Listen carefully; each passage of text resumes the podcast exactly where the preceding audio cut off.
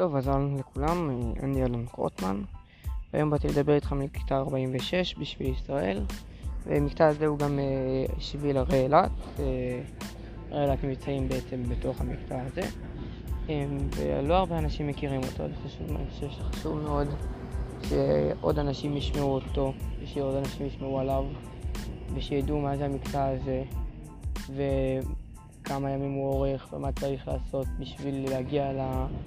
למקטע הזה ולמסלול הזה. ויכול להיות שאם אתם תנסו אותו, אה, תשמעו עליו ואתם תתעניינו בו גם.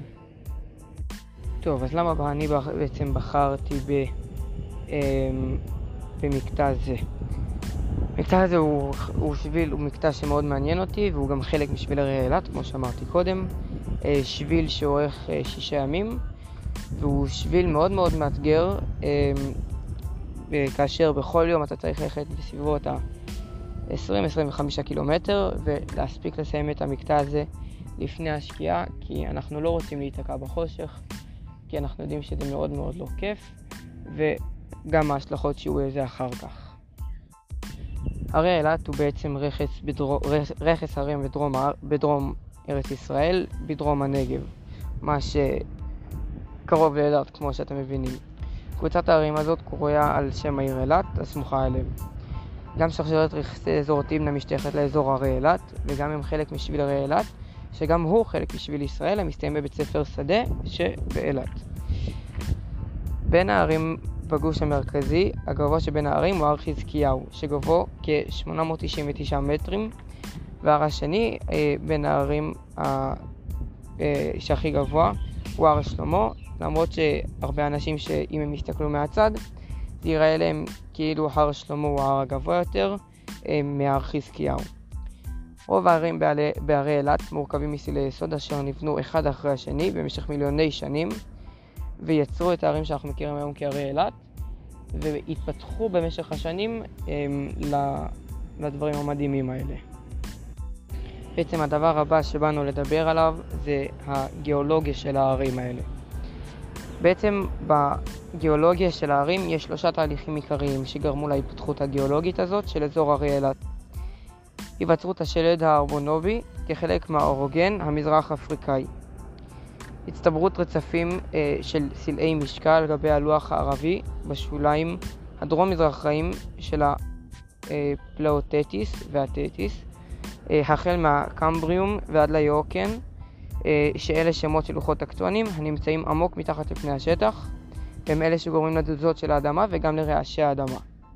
התהליך השלישי בעצם הוא ההיווצרות, הוא היווצרות בקע הים, אה, בקע ים המלח, כהעתק שמאלי, החל מהמיוקן, אה, תקופה קדומה, כגבול בין הלוח הערבי במזרח והלוח האפריקאי במערב.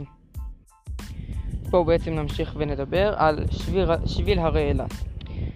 כל מי שעושה את שביל ישראל אמ, מגיע למקטע הזה באיזשהו שלב, גם אם הוא מתחיל באילת וגם אם הוא מסיים באילת, כי בעצם זה הישורת האחרונה או הראשונה אמ, בשביל ישראל.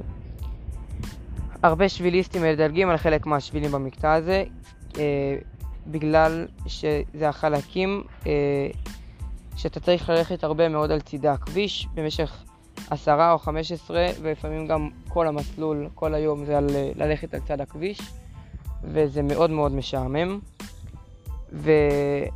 ותאמינו שבאמת אני מדבר מניסיון, זה הרבה מאוד חלקים שלא כיף לעשות אותם. הם מאוד מייגעים, מאוד מייגעים, קצת כמו שהפודקאסט הזה עוד מעט אה, יהפוך להיות. אה, בעצם הרבה פעמים בשביל הזה אתה מאבד תחושת זמן. אתה מתחיל אותו, אתה חושב, טוב, התחלתי עכשיו שמונה בבוקר, ותוך כמה זמן פתאום אתה רואה, וואו, כבר שתיים בצהריים, איך, איך כבר הזמן עבר. בעצם, הרבה פעמים גם בגלל השקט של, השקט של השביל הזה, אתה עולות לך מחשבות אחרות ואתה לא שם לב לדברים האלה. וזה בעצם, זה אחד החלקים המאוד מאוד כיפים שיש בשביל, אמ, שיש לך את השקט הזה. אז כמו שהבנתם, אני מאוד אוהב את המקטע הזה, ואני מציע גם לכם ולכולם ללכת לטייל, אמ, בעיקר במקטע הזה ובכל המקומות האחרים. וזה מקום, מקום מקסים, כי בעצם בסופו של דבר אין כמו המדבר שלנו. תודה רבה שהקשבתם לי, ולהתראות.